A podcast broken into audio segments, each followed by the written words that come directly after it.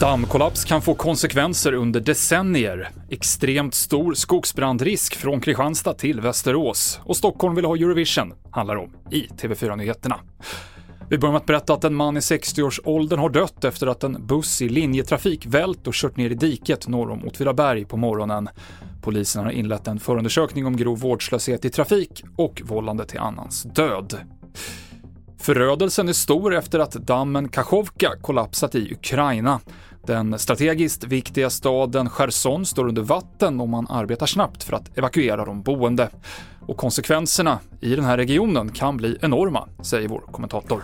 Ja, alltså nu talar ju experter om, även om det fortfarande är ett tidigt skede, att man, man har ju inte den totala överblicken. Det är ju också svårt i och med att Eh, det är ryskockuperat område på så att säga, den andra sidan där det är översvämmat men att det här kommer ta tiotals år att eh, få ordning på.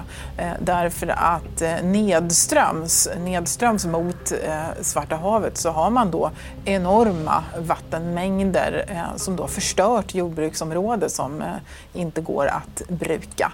Sen är det ju också så att då uppströms då där, eh, där man då inte har tillräckligt vatten, ja där där blir det ju problem då med just eh, bevattning av jordbruksmark och, och så.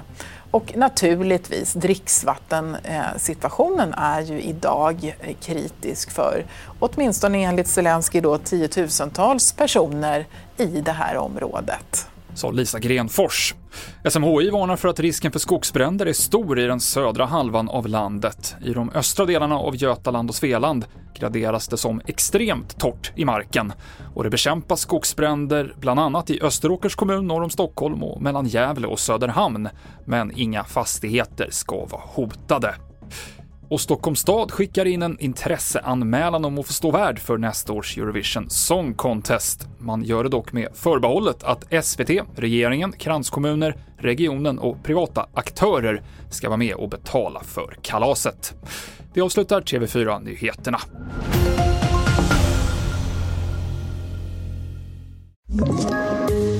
Ett poddtips från Podplay. I podden Något Kaiko garanterar östgötarna Brutti och jag, Davva, dig en stor dos skratt. Där följer jag pladask för köttätandet igen. Man är lite som en jävla vampyr. Man har fått lite blodsmak och då måste man ha mer. Udda spaningar, fängslande anekdoter och en och annan arg rant. Jag måste ha mitt kaffe på morgonen för annars är jag ingen trevlig människa. Då är du ingen trevlig människa, punkt. Något Kaiko, hör du på Podplay. Därför är gardinerna.